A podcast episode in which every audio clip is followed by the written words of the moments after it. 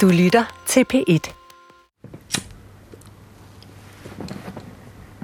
Altså, så kommer jeg i tanke om Ville Sørensen, øh, at han kunne være oplagt. Men der må jeg sige, øh, der tænkte jeg, at jeg havde gab for højt. Men jeg havde dyb respekt for ham. Dyb respekt. Og jeg turde næsten ikke skrive til ham. Altså, han ved så meget om menneskelivet, og han ved så meget om det enkelte menneske, og det kan man jo også se på hans dagbøger. Og han ved så meget om ja, drømme, og, og så tænker jeg, ja, du kan jo gøre forsøget.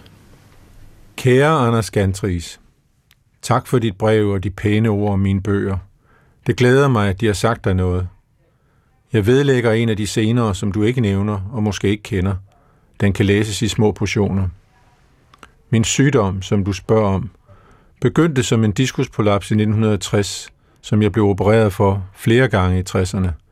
Nu er den ikke så meget karakter af akutte smerter, som den kroniske træthed. Den mere udadvendte forfattervirksomhed er jeg i de senere år næsten hørt op med. Men jeg vil gerne, som du foreslår, udveksle tanker om problemerne. Eventuelt ujævnt, som du skriver. Jeg håber, det stadig går fremad og sender mange venlige hilsner. Willy Sørensen. Det er et af mine yndlingsnumre inden jeg... Der skal lige, der skal lige starte, så kommer det.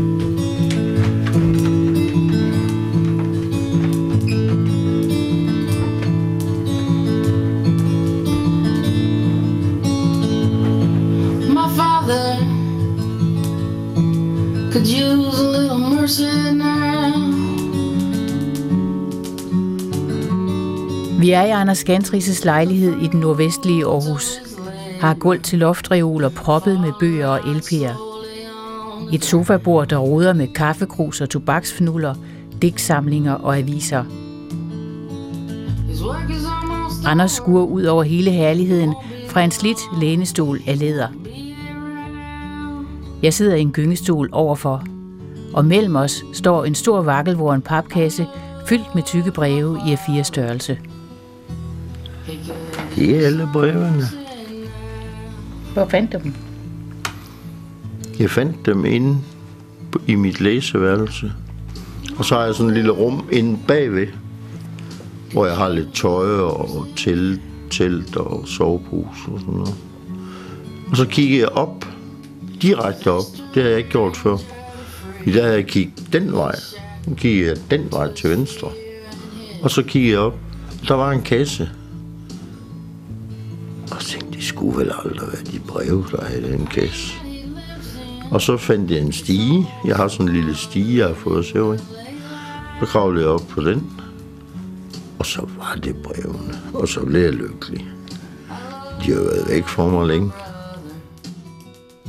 Kassen er fyldt med breve, som Anders Gantris og forfatteren og filosofen Ville Sørensen skrev til hinanden fra 1995 og frem til Ville Sørensens død i 2001. I dag kan vi høre Ville Sørensens stemme i portrætfilmen At gå op ad væggen.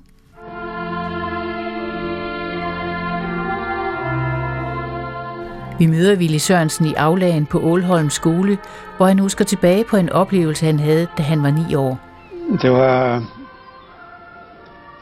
under morgensangen på Ålholm skole, som havde en, en øh, meget stor aula, hvor klasserne stod øh, opstillet på de øh, to-tre etager, der var. Og øh, der stod jeg vist nok på anden etage i, i min klasse, og man sang ved den lejlighed Dejlig af jorden. Og det er jeg sikkert ikke følt noget særligt ved. Men hvis man i et øjebliks modtagelighed blev opmærksom på både øh, sangen, melodien og ordene, så kan man godt tænke sig, at det her øh, slået hårdt. Og det er så blevet ved den lejlighed, som vi har talt om. Altså her, der, her står 2.000 børn, og I stemmer dejligt af jorden. Og man så begynder at tænke, jamen, er det nu det? Er den nu det? Det er bare et af mange spørgsmål, Ville Sørensen har filosoferet over og skrevet om i sine bøger. Han skrev om rigtig mange ting. Han skrev om filosofi, han skrev om psykologi, om økonomi, om biologi, om alle mulige emner, som han forsøgte at tænke sammen. Han havde den her øh, evne til at bringe emner som man, og spørgsmål, som man troede var, var separat, eller som man opfattede som separate, bringe dem sammen og få noget nyt ud af det. Lasse Horne Kjeldgaard, professor i dansk litteratur på Roskilde Universitet, fortæller, at Ville Sørensen var en stemme, der trængte igennem til os alle sammen, og som fandt sin helt egen vej til tænkning. Jamen, han havde øh, studeret på øh, universitetet, hvor han havde øh, læst mange forskellige fag, men aldrig rigtig øh, fundet sig øh, til rette med et fag. Og det siger jo også noget om den her øh, øh, fantastiske øh, hjerne, han var, at han ikke kunne, han ikke kunne lade sig begrænse af de de øh, hvad hedder det, øh, øh, fag, som universitetet nogle gange havde fastlagt. Så han forlod universitetet uden eksamen og, og fungerede i, igennem mange år som sådan en slags andet universitet, hvor hvad hedder det, universitetsstuderende og universitetsforskere, de, de kom til Ville Sørensen og, og blev, blev vejledt af ham. Men de fleste af os kender ham måske bedst fra dansk timerne, hvor hans sære historier i mange år var fast pensum. Altså den mest kendte øh, fortælling, en drengestreg om en dreng, der får savet benet af, er jo sådan en, en horror-historie, kan man sige, men med en, en, øh, en filosofisk dybde i, i sig, som, øh, som øh, flittigt er blevet udlagt i, i, øh, i danstimerne lige siden. Du ved måske ikke, du har slået hul på stortåen, og gennem det hul kryber der en masse små dyr op i de ben. Det passer ikke. Jeg kan ikke se nogen dyr. Nej, for de er så små, at man ikke kan se dem. Det hedder batterier. Nej, baciller. Hvis de kommer op i kroppen på dig, så dør du. Derfor skal du have taget benen af. Da Anders Gantris skrev sine første breve til Willy Sørensen i 1995, var han i krise. Ikke fordi han var indlagt med en maniodepressiv lidelse på Psykiatrisk Hospital i Rigskov, men fordi han skulle udskrives. Jeg, jeg flygtede ind i øh, min dårlige tilstand, og var ikke interesseret i at komme ud. Jeg var interesseret i at komme på psykiatrisk plejehjem. Og så henslæb mine sidste dage der. Altså, jeg havde jo været indlagt i meget lang tid, og så var det svært for mig at komme ud jeg følte ikke, at øh, jeg kunne komme ud til en almindelig dagligdag. Altså, jeg var handlingslammet i forhold til virkeligheden. Og øh, så bliver man bange for at komme ud. Så kommer du i tanke om Ville Sørensen.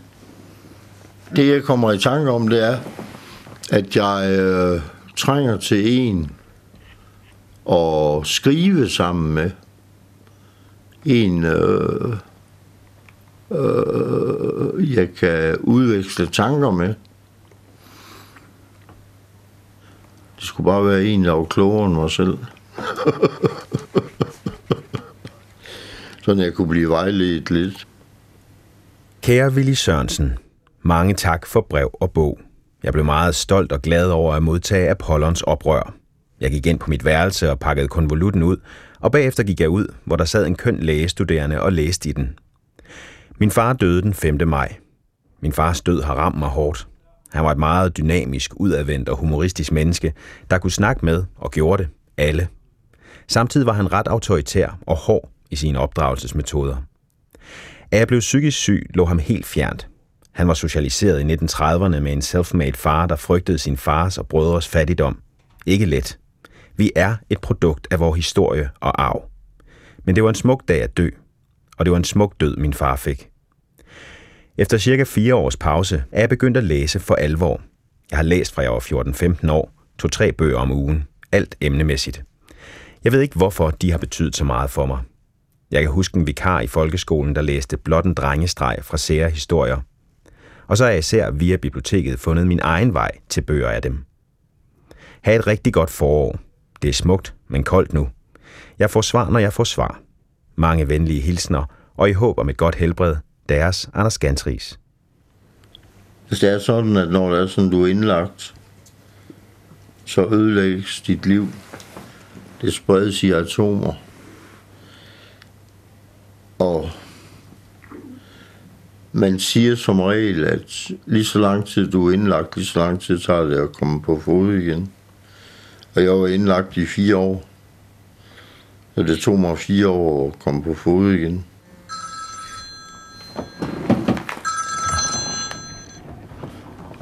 Ja, det er Anders. Bortset fra det allerførste brev fra Anders til Willy Sørensen, er hele korrespondancen bevaret. De to mænd skrev sammen cirka en gang om måneden. Brevene fra Willy Sørensen er skrevet på maskine og fylder typisk et par sider. Anders' breve er håndskrevne og lange. Det korteste er 16 sider. Kære Willy Sørensen, i går brød foråret igennem for fuld kraft her i byen. Jeg er stadig fysisk og psykisk træt og tørstig på grund af medicinen. En cykeltur på to timer eller arbejde, så skal jeg ligge en time, og jeg er 42 år. Håber langsomt at genvinde kræfterne. Jeg er blevet tilbudt at etablere et filosofikursus for sindssyge. Det er en udfordring. På et sindsted i byen, og endelig skal jeg tirsdag ned og kigge på et 30 timers biblioteksarbejde. Så det går godt. Jeg er taknemmelig, som verden åbner sig, og jeg finder ro og lidt glæde igen. Jeg påtager mig ansvaret for min egen sygdom, har oplevet lykke tidligere og er nu indstillet på at kæmpe tålmodigt. Man skal være sin alder. Det er jeg først nu. Jeg har tænkt meget det sidste år. Mit liv er mere kompliceret, men også mere indholdsrigt, hvis de forstår. Jeg har to børn, Christoffer på 10 år og Ditte på 14 år, hvis mor jeg boede sammen med i 15 år. Hun fulgte mig to år på hospitalet. Det blev for hårdt. Det var et stort tab for mig. Håber alt er vel i Københavnsområdet. Mange venlige hilsner. Anders Gantris. Kære Anders Gantris, tak for de to breve. Jeg har haft meget vrøvl med helbred de sidste måneder. Er ikke kommet nogen vegne med arbejdet, og så går det ud over korrespondancen. Det glæder mig, at de er så aktive. Jeg håber, de også husker at økonomisere, hvad man er tilbøjelig til at glemme, når det kører for en. Der var en gang, jeg selv havde et ønske om at blive psykiater. Jeg synes, der måtte være noget at gøre på det område, men jeg havde ikke sindsro til studiet. Hvad demokratiet angår, kommer jeg ind på flere af de spørgsmål, de stiller i den lille bog Demokratiet og kunsten, som de måske ikke har bemærket. Jeg påtager mig ansvaret for min egen sygdom. Det kræver måske lidt nuancering. Ansvaret må for det første ikke forveksles med skyld, og for det andet må man acceptere, at der er noget, man ikke er herre over, og ikke kan ændre, uden derfor at skyde skylden på andre. Sygdom kan også være skæbne, og skæbnen må man tage på sig, og i den forstand ansvaret for. Jeg så serien om kræftpatienter i tv for nylig. De vidnede om, hvor svært det kan være at tage skæbnen på sig, og at det er endnu sværere, hvis man ikke kan. Mange venlige hilsner. Willy Sørensen. Det er så dejligt afslappende at vaske op. Du har gæster? Ja. Det andet steg. Og risalamande. Det var tidligt. Ja, Da du skrev med Willy Sørensen, ja, så var I dis. ja. Hvordan kan det være? Det var fordi, jeg respekterede ham så meget. Jeg tror også selv, han synes, det var noget oldnordisk, at jeg blev ved med at sige, at vi skulle være dis. Men øh, det havde jeg det bedst med. Så jeg fastholdt det. Altså, når vi mødtes, så kunne vi jo godt have været dus. Der var vi også dis. Hvad sagde Willy Sørensen til det? Jamen, han ville gerne have, at vi skulle være dus. Han sagde også Anders til mig nogle gange, så sagde han, åh, oh, undskyld, gantris. Og så grinede han. så han var ikke vant til det, det der med at være dis. Kære Willy Sørensen. Der står Willy Sørensen på meget store dele af min læsning. Jeg var på biblioteket i dag og lånte demokratiet og kunsten og den gyldne middelvej. Jeg får at vide, at jeg tænker og læser for meget. Men det har været sådan fra jeg var 10-11 år. Nysgerrig og noget ensidig. Et gennemgående tema hos dem er relationen mellem de ydre forhold og det menneskelige indre. Klassisk. Er mennesket ontologisk godt? Hvilke gode sider hos mennesket knægtes af de ydre forhold? Kan man ville det gode og gøre det onde? Det håber jeg, de kan bringe mig nærmere svarene på. Om mennesket ontologisk set er godt, det er vel selve det centrale spørgsmål, som videnskaben ikke kan besvare. Man kan kun sige og prøve at begrunde, hvad man tror. Og hvis troen ellers virker, må det være mere frugtbart at tro på det gode i mennesker, eller på menneskets gode muligheder, end at tro på, at det aldrig bliver bedre. Den sidste opfattelse mangler ikke just erfaringsgrundlag, men der er den forskel, at det onde kan forklares. Der er altid årsager til det, mens det gode er uforklarligt.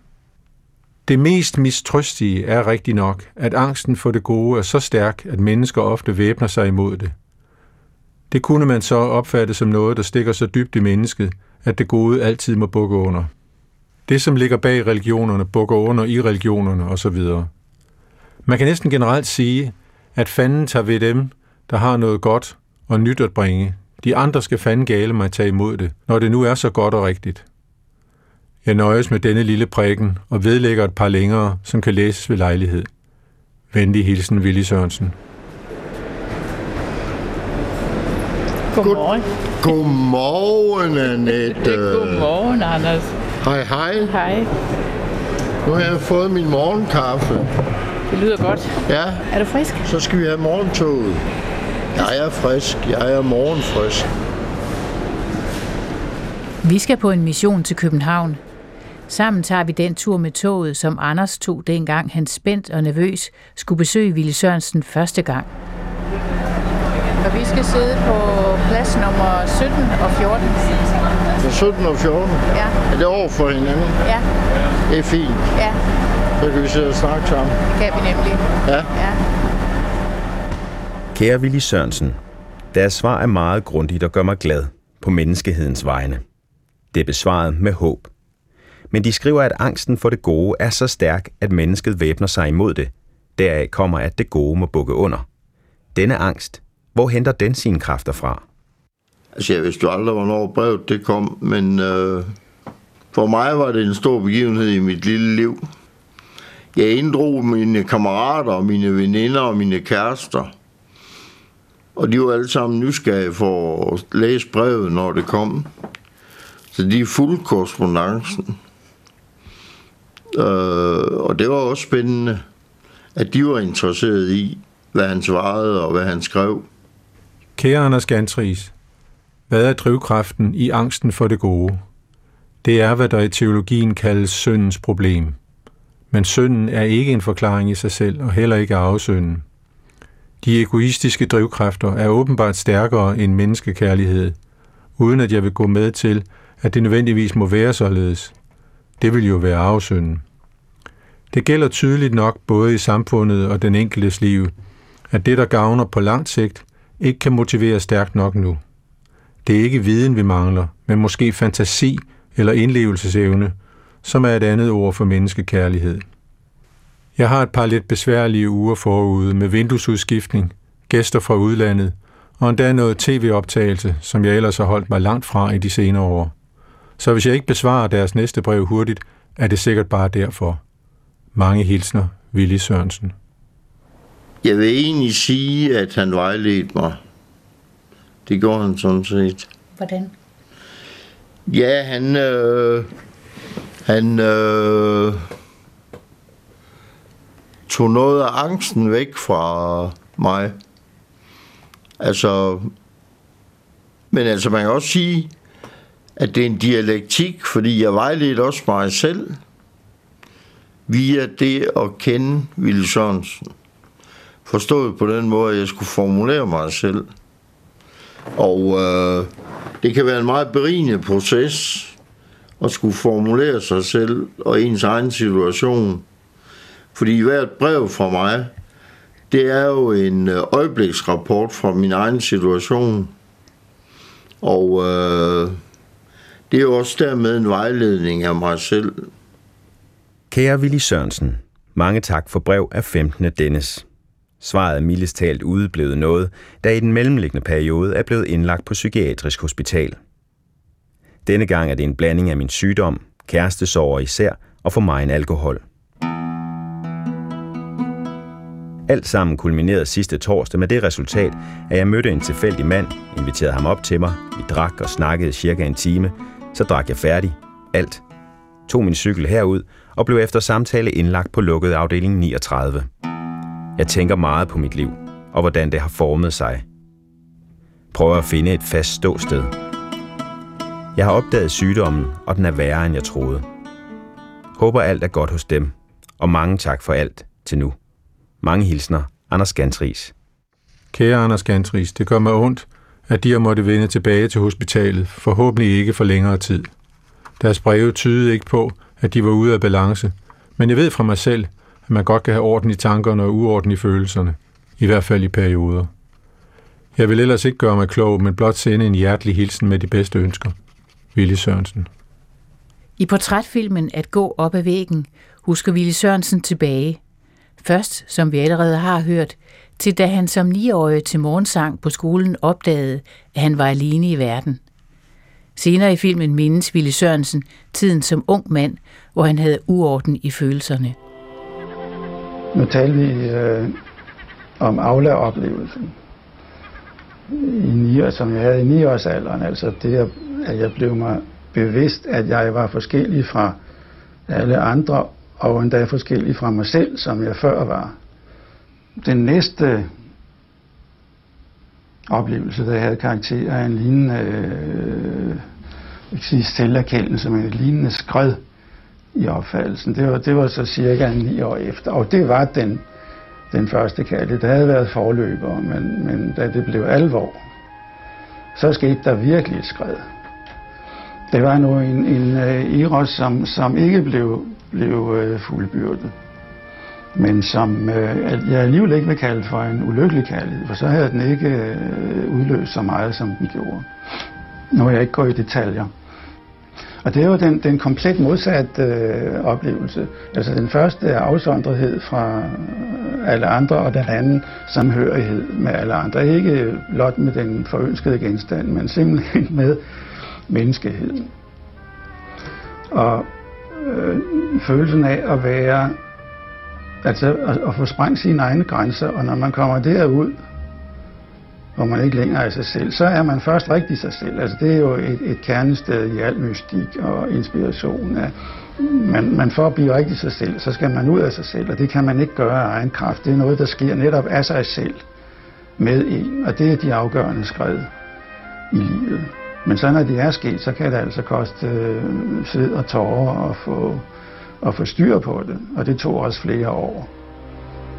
Og det skete jo så først, da jeg da jeg skrev min første historie. Hvad ja. tænker du, når du hører Willy Sørensens stemme igen? Ja, altså jeg bliver jo meget glad, fordi han er jo... Det er en stor glæde at høre hans stemme, fordi nu har jeg jo været sammen med ham flere gange, og jeg har talt i telefon med ham mange gange. Så han har en dejlig stemme. Det er det første, hans stemme jeg kommer til at mindes ham med glæde. Og øh, han er så klog. Og øh, han fortæller jo om to vidt forskellige oplevelser. Det der med afsondretheden, og det der med, at han på skolen øh, oplever, at han ikke er en del af de andre, og han faktisk ikke er en del af sig selv. Det er jo sådan en helt kafkask oplevelse, at han er helt alene og rystet i sin grundvold, rent psykisk. Og øh, så fortæller han om den diametralt modsatte oplevelse øh, på baggrund af eros, altså kærlighed hvor han møder en, han bliver forelsket i, eller fatter kærlighed til. Og øh, der oplever han samhørighed, som jo er noget af det vigtigste, vi har i livet. Talte du og Willy Sørensen om kærlighed? Ja, det går vi. Ja, det går vi. Og vi udvekslede også øh, breve om det. Men vi talte ikke så meget om det, når jeg besøgte ham. Fordi nu skældnede, øh, og det gør han jo også her, Han vil ikke gå i detaljer, siger han. Fordi han skældner jo meget mellem det private og det personlige. Så det private, det vedkommer ikke andre. Men det personlige, det er den dybe oplevelse af kærlighed. Så du fik ikke så meget at vide om Ville Sørensens privatliv? Jo, det gjorde jeg sådan set, fordi jeg spurgte ham på et tidspunkt i et brev om hans kærlighedsforhold. Og han var jo bifil. Og det vil sige, at han havde kærlighed til kvinder og til mænd. Og han havde haft et langt forhold til en kvinde. Og så havde han to forhold til mænd. Så... Og det tror jeg var meget en overskridelse for ham at meddele mig det. Men, øh, og jeg var meget diskret, da jeg spurgte ham om det. Men ikke desto mindre, så svarede han på det. Skal vi høre noget musik? Nå ja, Ja, ja lad os gøre det. ja. Skal vi høre den svenske? Lad os sætte den svenske på. Ja. Stockholm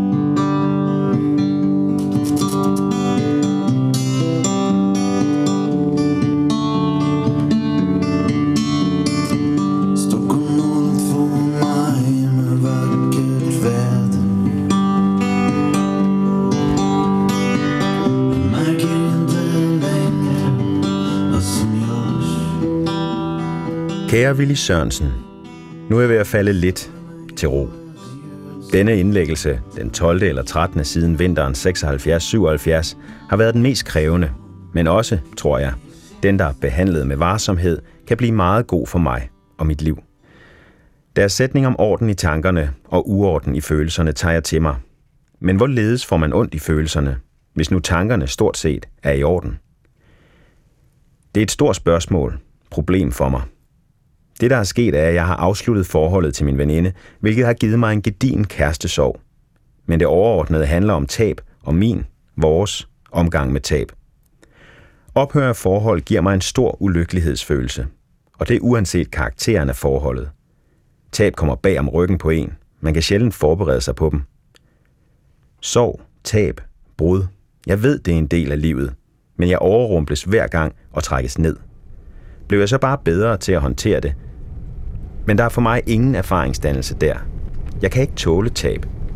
Er det barnlighed i følelserne, Willy Sørensen? Næste station, Middelfart. Har du bagage, så husk den, når du forlader toget. If you have any luggage, please remember it when you leave the train. Min far, som var en meget handlekraftig og vældig mand, var min ungdoms ulykkelige kontrapunkt. Han havde sin position, sine idealer, sin væremåde, og jeg opbyggede det diametralt modsatte på samme adresse. Det var ikke let. Stejle naturer kolliderer, og det har taget mange ressourcer hos os begge, og så blev hans død og begravelse en meget smertefuld proces for mig. Og han sidder stadig i mig, ligesom jeg er meget ked af, at han er død. Jeg vil slutte med at fortælle, at jeg har det bedre, end da jeg startede dette brev. Det går fremad. Alt godt til dem. Mange hilsner. Anders Gansris. Kære Anders Gantris, hvad de skriver om tab, kan jeg genkende meget i. Det er vel noget, som man lettere kan bære, når man bliver ældre. Men for mit eget vedkommende må jeg spørge, om det må ikke er, fordi man er blevet bedre til at lukke i, og ikke så meget, fordi man bliver klogere. Alligevel er det nok smertelige erfaringer, man lærer mest af. Men det er svært at få det hele med. Der er meget i mit liv, jeg nok kan huske, men ikke erindre. Fordi følelsen, det var forbundet med, er for pinagtig at genopleve. Jeg har også haft en urolig uge. Jeg fik problemer med overbogen, hvis datter rykkede ind i forældrenes fravær, og straks begyndte med rockmusikken. Så jeg måtte op og bede om at dæmpe ned, hvilket kun delvis førte til noget. Selv normal støj forstyrrer mig i mit arbejde, og rigtig støj gør det helt umuligt. Med håb om lys i sindet i disse mørke majdage. Willy Sørensen. Næste station, Odense. Vi gør opmærksom på, at toget bliver samlet med andre togsæt. Der vil gå et øjeblik, før dørene kan åbnes.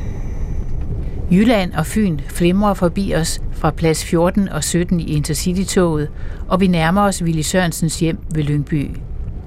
På vejen dertil har vi et ærende i København. Vi skal mødes med Gert Postelt. Han er videnskabelig medarbejder på det danske sprog- og litteraturselskab og var ven med Willy Sørensen. Anders vil gerne vide, om Gert Posselt kendte til pindevenskabet, og om Ville Sørensen skrev med andre. Det møde ligger 150 km forude. Jeg søgte hans livserfaring, og jeg søgte hans øh, medmenneskelighed. Og det viser sig også, at han gav mig meget, fordi han siger jo i nogle af brevene, at han kender til psykens ydergrænser. Og jeg havde jo levet i psykens ydergrænser som syg. Det havde han kendt til. Han havde jo aldrig været indlagt, og blev aldrig indlagt. Men øh, han kunne sætte sig ind i psykens ydergrænser. Enten via det, han havde læst, eller via sine egne erfaringer. Jeg sidder her efter en lang dag og har stor lyst til at skrive til dem. Jeg ved, de er hængt op, men når jeg skal være fornuftig for alvor og tænke, ja, så står de over min himmel. Min personlige situation er, bortset fra en enkelt episode, rigtig god. Jeg skal jo fornuftigvis både forholde mig til et liv som psykisk syg, gal, med de ressourcer der, og så mit liv, stille og roligt, som normal. Det har været en lang læreproces. Nu kommer en ren oplevelse, erfaring. Jeg bliver indlagt i december 1975, 22 år, vel mestendels på grund af alkoholmisbrug, kærestesorg. Jeg ved intet. Ved ikke, hvor jeg er. Tror i perioder, jeg er på Marcelisborg Slot hos Margrethe. Jeg er langt væk, ligger i drop, var døden nær. Vågner af og til. Samtidig helt hvidt. Samtidig et menneske. Kan ikke huske dialogen. Min mor er der en, hvis to gange for skive. Jeg er væk. Jeg kommer tilbage. Til bevidsthed. Jeg ved ikke. Og hun er hos mig. Vi går udenfor sammen, og jeg synes, hun er smuk og venlig, og er ikke klar over, at det er min mor. Jeg bliver forelsket. Jeg kan ikke huske responsen, men jeg bliver klar over noget. Autoritet, distance, forklaren. Jeg bliver et lille barn. Det er så resten af tiden derude. Vi går ind i asylet, tager afsked. Det er jeg ked af nu, for uroliget over, hvad det må have gjort ved min mor. Det må have været rystende, helt ødipalt. Så slemt har det været. Nu skal jeg ikke tage mere af deres tid. Jeg sender dette rodede og personfixerede brev, trods alt. I dyb respekt og med håb om alt vel hos dem i de nye omgivelser. Giv tid. Mange venlige hilsner, Anders Gantris. Det var ligesom om, at, øh, at man fik et stykke af hinanden, frem for hvis det havde været en telefonsamtale, så fik man et stykke af hinanden. Fordi gennem hele brevvekslingen, der tager vi jo hinanden meget seriøst. Og alligevel så pjatter vi også lidt en gang imellem. Altså i telefonsamtale, der kan tit være brudstykker, og man spiller smart, og så videre og så videre. Skriftligheden, den gør, at øh, man får et ærligt og sandru billede af den anden. Og så giver det også en inderlighed. Fordi når jeg skulle svare på Ville Sørensens breve, så øh, måtte jeg tænke på, hvad han havde skrevet til mig. Og så øh, fik jeg lyst til at meddele ham ting, som jeg ellers ikke ville have meddelt nogen måske. Så det gav en inderlighed, som var meget positiv for mig. Kære Anders Gantris, tak for breve og fødselsdagsgave. Jeg er så småt ved at komme mig over flytningen og skal i morgen for sidste gang tilbage i lejligheden i Torbæk og aflevere nøgler osv. Det er unægteligt en svær overgang, som reven vist sagde, da de rev huden af den. Omgivelserne bliver en slags hud eller ham, som skal udskiftes, før den nye ham vokser ud. Men de nærmeste omgivelser, naboerne, er fredeligere end de gamle, og de lidt fjernere omgivelser er smukke nok, og vil især blive det til foråret. Jeg må vende mig til at gå langs en å i stedet for et sund. De behøver ikke gøre undskyldning for rodede breve. Jeg finder dem meget indholdsrige. De har gjort erfaringer, som de fleste intet kender til. Man skriver jo også breve for at komme af med noget, og så må der være plads til lidt af hvert. I filmen om mig taler jeg en del om min far. Faren bliver nok ved med at spille en rolle i ens psyke, selvom forholdet til ham ikke har været særlig kompliceret. Når det har været det, er det ikke mærkeligt, at det bliver ved med at rumstere. Venlige hilsner, Willy Sørensen.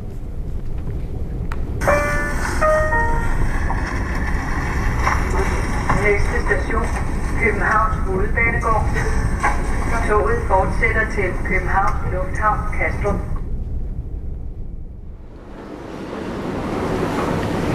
Vi er måske lidt tidligt på den, Er vi lidt tidligt på den? fordi vi sagde 13.50. Og hvad er klokken nu? Nu er klokken 13.45. Ja, så er vi lidt tidligt på den. Ja, Og der er kun den svingdør der, eller? det er hovedindgangen. Ja, det er det. Det må være her. Ja, Det kan Det du stå der, ham. tror du? ja det kunne godt være ham. Nej, det er det ikke. Nej, det skal nok løbe. Nu kommer han, tror jeg. Hej, hej. Dags. Hej, hej. Anders Gansfri. Gert Kossels. En Dags. fornøjelse. Ja, lige måde. Hej så, Så det er lykkedes Annette. noget. Ja, så lykkedes det Ja. til sidst. Dejligt. Dejligt. Det er en god tur. Ja, det var fint. Det var godt. Vi går i gåsegang gennem det kongelige bibliotek over i det danske sprog- og litteraturselskab. Forrest Gert Posselt, der har været ven med Ville Sørensen i hele sit voksne liv. Gert Posselt skrev ligesom Anders til Ville Sørensen for at få eksistentiel vejledning. Det var dengang han var en helt ung mand og havde kvababelser over at være dybt interesseret i historie på bekostning af at yde noget i den daværende verden. Gert Postels brev blev starten på et livsvarigt venskab med Ville Sørensen. Ja, nu må vi jo lige se, hvordan det former sig. Ja, det må vi. det er rigtigt. Det er jo lige det. Men her sidder I jo så to mænd, der har Ville Sørensen til fælles, kan man sige. Vi kendte ham da vældig godt begge to. Gert nok mere, end jeg gjorde. Men det begyndte... Gert var længere tid ven med Ville Sørensen, og meget tættere på ham. Fordi Gert var en del af, Gert Postelt var en del af hans hverdag, kan man sige. Ah, det er så I meget. perioder. Ja. Nå, du spiste jo ude ved ham. Jo, jo. Af og øh, til. Tit og ofte, når jeg Ja. er på besøg. Jo. Ja. jo. Og det har jeg aldrig gjort. Men kendte du som øh, Ville Sørensens ven til, at, at øh, Ville Sørensen skrev om Anders? Nej, det gjorde jeg ikke. Øhm, men jeg vidste godt, at øh, han igennem årtierne øh, førte øh, visse kortere eller længere korrespondencer øh, med øh, mennesker, han ikke kendte personligt. Øh, måske i mange tilfælde øh, aldrig nogensinde havde truffet personligt. Øh, men, men mennesker af, øh, med, med øh, psykiske problemer øh, af, af vidt forskellige karakterer naturligvis. Ved du, hvor mange han skrev med? Nej, det ved jeg ikke, og det har jeg heller ikke rigtig nogen fornemmelse af. Mm. Altså øh, i, i den sidste fase, hvor han jo var øh, meget syg og vidste, at det kun desværre kunne bære en vej, øh, der øh, omtalte han, at der nede i kælderen stod et par kasser øh, med øh, nogens mange breve til ham. Altså et par forskellige mennesker, tror jeg det var. Øhm, og han havde ellers han havde haft flere af den lignende karakter. Øh, og dem havde han så fået lokaliseret øh, og fået sendt tilbage. Men hvad tror du øh, har været Willy Sørensens motivation til at svare? I første række blot at lytte til det andet menneskes øh, problemer, eller øh, det, der optager det andet menneske, øh, ved blot at være til stede, men selvfølgelig også kunne give øh, stimulanser tilbage, impulser, impulser tilbage hedder det snarere. Ikke? Det er jeg sikker på øh, har, har øh, været af en øh, psykologisk eller medmenneskelig tilfredsstillende art for ham. Øh, han var en meget stor etiker, altså han var så meget bevidst Ja, om, at øh, vi som mennesker altid holder øh, en lille del af vores medmenneskers skæbne i vores hånd. Ikke? Anders og Willy Sørensen skriver sammen i seks år. Efter tre år begynder de også at snakke i telefon, og kort tid derefter besøger Anders Willy Sørensen i hans nye lejlighed i Bredebro ved Lyngby. I de første år er Anders den flittigste brevskriver. Han sender tykke konvolutter afsted fra lejligheden i Aarhus, nogle gange med to breve i. Anders' breve er lange og personlige, men som årene går, skriver han ikke helt så hyppigt som i begyndelsen. Men brevene indeholder stadig beskrivelser og refleksioner over tilværelsen. Kære Willy Sørensen, Jeg havde været på tur i fire døgn, da jeg skrev til dem sidst, og den går ikke. Jeg kender jo mange her og er god til at møde nye, men uha, sikkert det tager. Jeg vil for meget, har indre dæmoner og er ikke god til at passe på mig selv. Jeg ved jo godt, hvilket liv jeg bør føre, for at alt er vel. Det er blot for kedeligt. Alkohol er truslen. Jeg har ofte været på antabus, men jeg drikker, når den er ude af kroppen, eller drikker igennem. Men nu har alt det stået på længe nok, og forløbet har jeg ikke rørt en dråbe alkohol i en måned. Let er det ikke. Men hvor får jeg kiggene fra? Det er sørgeligt nok spørgsmålet. Min første svaghed er, at jeg kan lide smagen. Den næste er, at jeg gerne nyder alkohol alene. Den tredje er, at virkningen ud over velbehaget giver mig en frihedsfølelse. Den skærper mit nærvær og min erindring. Samtidig bruger jeg alkohol som en slags selvterapi i forhold til de svære oplevelser ved indlæggelser. De negative sider ved alkohol, for mig, men især for mine nærmeste omgivelser, og sygdom vil jeg ikke nævne, men de er meget store. Jeg vil slutte for denne gang. Nu har jeg indvidet dem i min alkoholmisære, som kun jeg selv kan slutte. Jeg håber, det lykkes. Sikke skader det har og kan forvolde. Mange venlige hilsner, Anders Gantris. Willy Sørensens breve er korte, måske på grund af den dårlige ryg, der kun tillod få timer om dagen ved skrivemaskinen. Han afviser blankt at komme med betroelser og skriver, at dem skal man føle trang til, for at de er ægte. Og Ville Sørensen har betroet sig nok. Men med årene skriver han mere og mere om sig selv og sin hverdag til Anders. Kære Anders Gantris, vores breve krydsede sidste gang ved Sankt Hans tid. Siden da er sommeren ikke kommet i gang, og da jeg rutinemæssigt ser frem til den, ser jeg ret mistrøstigt på situationen. Min egen baggrund, lavere middelklasse, mere forstående forældre end deres, men vi talte ikke meget sammen derhjemme om mere personlige problemer, så det forstærkede min tilbøjelighed til indadvendthed. Jeg havde ingen nære venner i hele min barndom, og heller ingen nære veninder i min tidlige ungdom. Goethe sagde, at hvad man savner i ungdommen, får man i rigt mål i alderdommen. Det udlagde jeg i gymnasiet pessimistisk som, når man ikke længere kan bruge det til noget. Men det var ikke Goethes mening, og er heller ikke min erfaring. Alkohol. Uden at have været svært alkoholisk, kender jeg problemet. Det bløder jo lidt op, når man har det hårdt, og kan være, ofte vel lidt sentimentalt, erindringsformidlende. Den kan også gøre fysiske smerter mere diffuse. Så i perioder har jeg pimpet, blandt andet fordi der jo skal noget til at opnå en virkning, der kan mærkes. Men det er efterhånden mange år siden. Blandt andet fordi jeg nu vanskeligt kan undvære medicinen, og den er sløvende nok. Desværre må jeg lade mig indlægge med prostatalidelse, og det er muligt, at jeg forstummer for en tid, alt efter hvordan og hvornår. Men nu forløbig ønsker jeg en god sommer, uden for mange selvbebrejdelser. Mange hilsner. Willy Sørensen. Kære Willy Sørensen, jeg kom til live for godt 46 år siden. Vi lever udspændt mellem liv og død. Hvornår dødens faktum melder sig er vel forskelligt, men tankerne om døden, hvad den er og gør, gives vel fra det tidspunkt i talrige varianter. I vores kulturkreds, trods kristendommen og Jesu død og opstandelse, opleves døden overvejende som tragisk, tung og smertefyldt. Man kan jo som psykologiprofessor og LSD-guruen Timothy Leary glæde sig til døden og se hen til den som livets største oplevelse. Men han er måske en undtagelse. Meget syre og selviscenesættelse. Jeg tænker meget og ofte på døden i et omfang, der ikke er sjældent sundt. Nu har jeg taget hul på det, og at døden og selvmordet heller ikke er eller har været dem en fjern tanke, tror jeg at vide. Min opfattelse af disse ting nu er, at der ikke er noget som helst på den anden side af døden. Døden er en lang, smerteløs søvn. Intet at frygte, men vel heller intet at glæde sig til. Ofte går jeg her i Aarhus og tænker på med dem. Det er ikke så lige til, men meget inspirerende. Når det er i gang, er det en beruselse for mig. Jeg holdt nytårsaften sammen med Werner. Vi spiste meget beskedent, men godt, og så talte vi til halv 11. Klokken 12 skålede jeg med mig selv i saft, gik ud på altanen og kiggede på himlen. Med denne konstatering vil jeg slutte, i det jeg takker for jule- og nytårsbrevet, samt alt det gode, de har gjort for mig. Mange hilsner, Anders Gantris. Og med til det gode i Anders' forståelse hører også hele Ville Sørensens forfatterskab. Anders har læst næsten alt fra Ville Sørensens pen. Så er det sådan, at når du læser, eller når man læser Ville Sørensen, så er der ligesom et åbent rum, når man læser ham.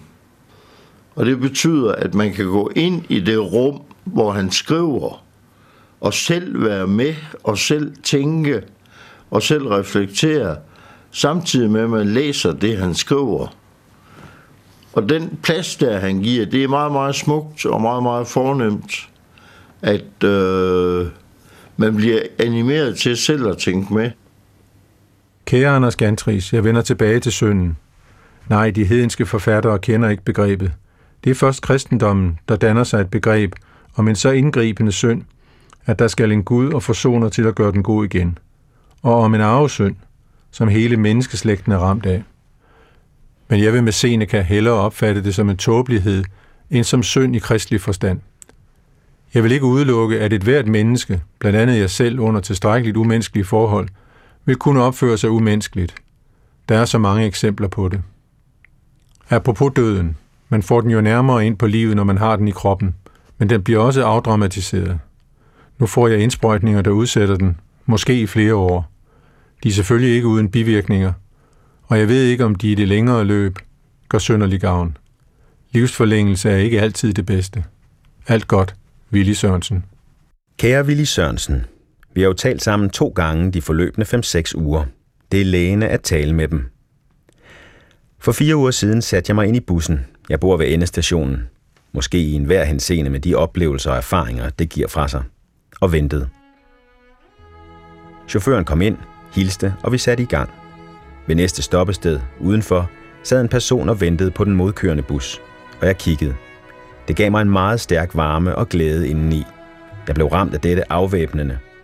Jeg må forklare. Kvinden sad meget bly, hænderne havde hun foldet foran sig, og benene var tæt samlet og ligesom svejede let til siden.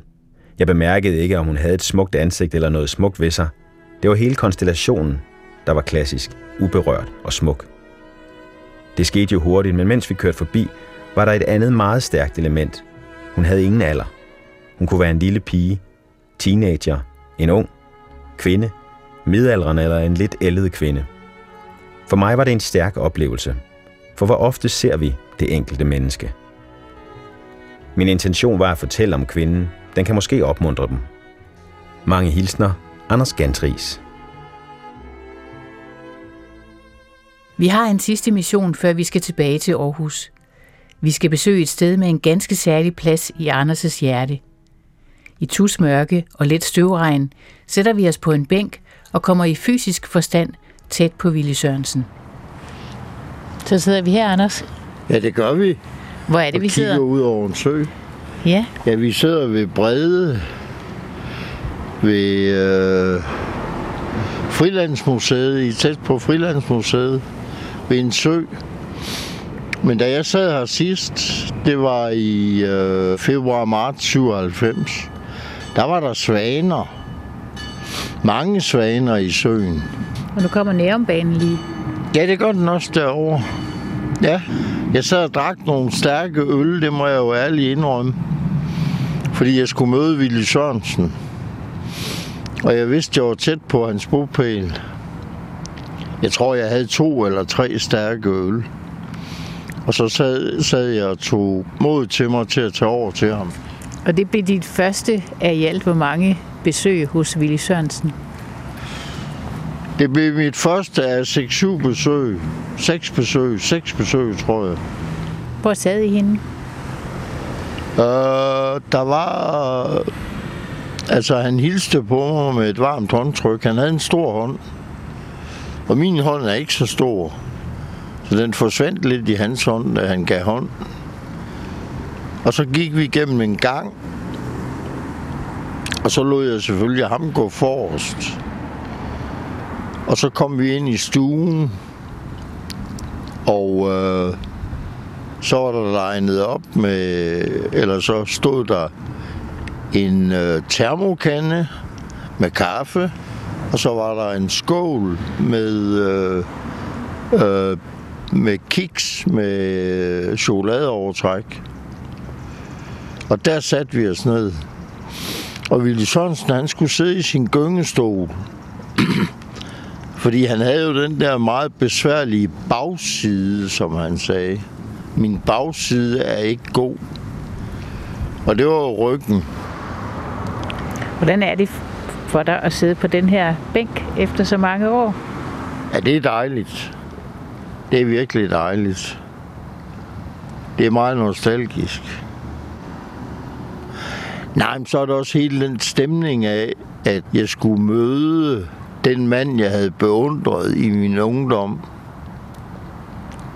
Det er noget stort, synes jeg. Det synes jeg er noget meget stort. Her sad jeg længe, kan jeg huske. Og tænkte mange tanker. Hvilke? Ja. Jeg, jeg tænkte på mit liv. Det her, det var virkelig et højdepunkt. Og det var skønt. Og øh, jeg har da også haft mange højdepunkter i mit liv. Men ikke sådan af uh, åndelig art. Men det her, det var virkelig et højdepunkt af åndelig art. Hvad er det så for en Anders Gantris, der sidder her så mange år efter? Ej, jeg er blevet mere voksen siden dengang. Fordi mit sind var mere splittet dengang. Jeg faldet mere til ro, og jeg har fået mere fred og ro i min sjæl siden dengang. Og nu kom om banen. Det kan være, vi skal gå op og tage den. Ja, det kan da gøre. Det kan vi da gøre. Du skal lige have en smøg. Ja. Kære Anders Gantris, tak for det lange brev. Jeg er glad for at have den funktion at være en, de kan udøse dem overfor. Og jeg er ked af, at jeg ikke længere magter at skrive lange breve og gå ind på de mange spørgsmål. Jeg er nu så plaget af kræftsygdommen, at behandling kun gør ondt værre. Jeg kan kun håbe på, at smertebehandlingen efterhånden kommer på niveau med smerterne. Hvor længe jeg holder til det, ved jeg ikke, men jeg er svært ved at klare hverdagene, og derfor resten søndagene med. De skal ikke ringe og høre til mit velbefindende. Det er nedslående at tale om. I øvrigt mener jeg, at jeg har levet længe nok. Mange venlige hilsner. Billy Sørensen. P.S. Er de interesseret i at få deres breve tilbage?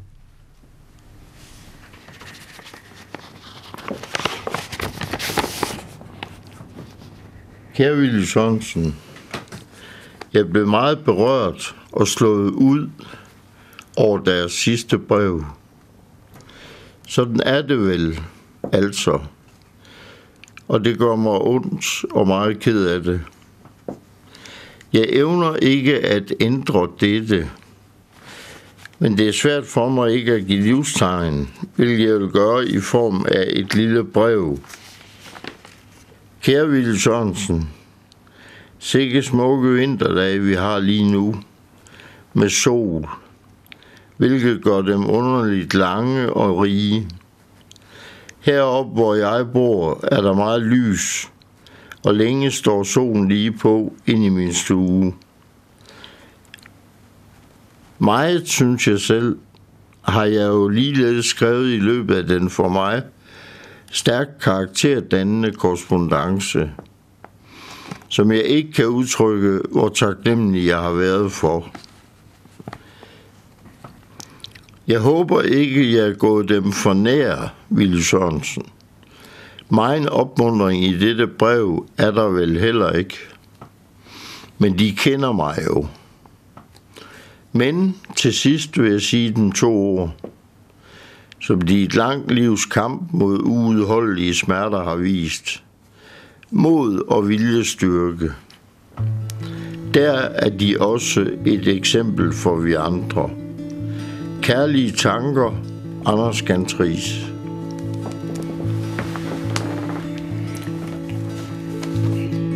My father sure could use a little mercy now.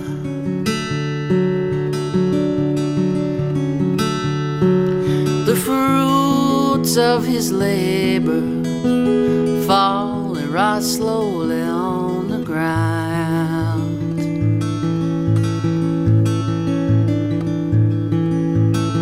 His work is almost over. It won't be long. He won't be around.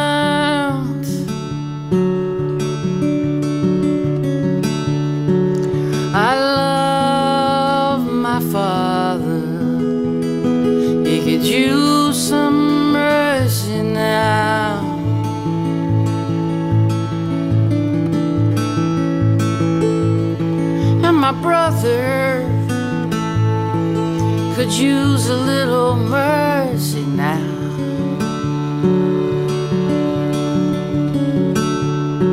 He's a stranger to freedom, shackled